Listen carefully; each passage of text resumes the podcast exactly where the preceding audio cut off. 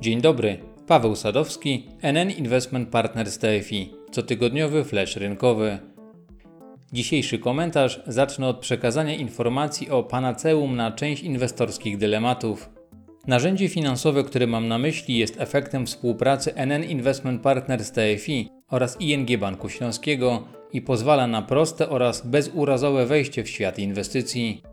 Produkt Investo jest robotem inwestycyjnym, który pomaga klientom wspomnianego banku w wyborze oraz w zarządzaniu portfelem funduszy. Zanim powiem słów kilka o tym rozwiązaniu, to wspomnę najpierw o głównych inwestorskich troskach oraz błędach, które pojawiają się zazwyczaj na początku aktywnej drogi inwestowania, mającej na celu pomnażanie kapitału. Bardzo częstym niedopatrzeniem jest błędnie przygotowany lub w ogóle pomijany proces inwestycyjny, a to od jego poprawności oraz odporności na ingerencję emocji w jego przebieg zależy końcowy wynik naszej inwestycji. Każdemu działaniu powinien towarzyszyć plan. Musimy wiedzieć, w jaką klasę aktywów i dlaczego chcemy zainwestować, przy jakim poziomie straty czy zysku podejmiemy decyzję o wycofaniu się z inwestycji. Powinniśmy zdawać sobie sprawę z tego, że często bywamy zbyt pewni swoich decyzji i tego, jak zachowamy się w przyszłości. Warto byłoby mieć również świadomość, że nie da się nauczyć wszystkiego na cudzych błędach i że nasze osobiste porażki też prawdopodobnie będą miały miejsce. A gdy już do tego dojdzie, to najpierw powinniśmy kierować się rozsądkiem, a nie emocjami. Nauczyć się wyciągać wnioski zarówno z niepowodzeń, jak i z sukcesów. Powracając do wspomnianego na początku dzisiejszego nagrania narzędzia inwestycyjnego, to zdecydowanie uprości oraz zautomatyzuje ono cały ten proces. Na podstawie wypełnionej przez klienta ankiety zostanie stworzony profil inwestycyjny, do którego zostaną dobrane rekomendowane fundusze. Raz na 3 miesiące inwestor będzie dopasowywał skład portfela klienta do jego profilu inwestycyjnego. Rekomendacja wystawiona przez robota inwestycyjnego będzie bezpłatna, natomiast za zarządzanie portfelem funduszy będzie pobierana opłata. Stawka opłaty uzależniona jest od poziomu ryzyka akceptowanego przez klienta. Na koniec chciałbym nawiązać do informacji zawartej w zeszłotygodniowym komentarzu.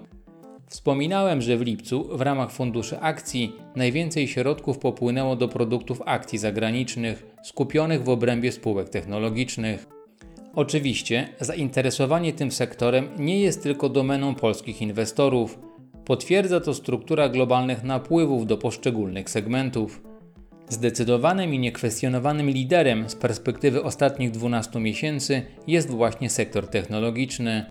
Początek dominacji tej kategorii aktywów jest zbieżny z terminem globalnego lockdownu, który był następstwem pandemii koronawirusa. Drugim najbardziej popularnym segmentem rynku pod względem napływów jest szeroko pojęta branża medyczna. Przyciągnęła o połowę mniej aktywów niż lider zestawienia. Przy tej okazji warto również wspomnieć o niepokojącej dla niektórych uczestników rynku hegemonii spółek technologicznych wchodzących w skład indeksu SP 500. Zachwyt nad akcjami tego sektora odzwierciedla bardzo wyraźnie ich tygodniowy poziom indeksu siły względnej RSI. Obecne wartości osiągają ekstremalnie wysokie wskazania powyżej 80 punktów, które na przestrzeni ostatnich 30 lat pojawiały się tylko kilkukrotnie. Podstawowa analiza tego wskaźnika zakłada poszukiwanie dywergencji względem wykresu ceny. RSI jest również miernikiem stanu wykupienia czy wyprzedania rynku oraz jest wykorzystywany także do generowania sygnałów transakcyjnych. Wskazania powyżej 70 punktów odbierane są jako wykupienie rynku. Przecięcie od góry tego poziomu traktowane jest jako sygnał sprzedaży. Natomiast odczyt poniżej 30 punktów odbierany jest jako wyprzedanie rynku. Przebicie od dołu tego poziomu traktowane jest jako sygnał kupna. Niepewność inwestorów w odniesieniu do obecnych wycen spółek z indeksu SP 500 budzić może również aktualna nota wskaźnika ceny do zysku, opartego na przyszłych prognozowanych zyskach, który znalazł się w okolicach poziomu 26.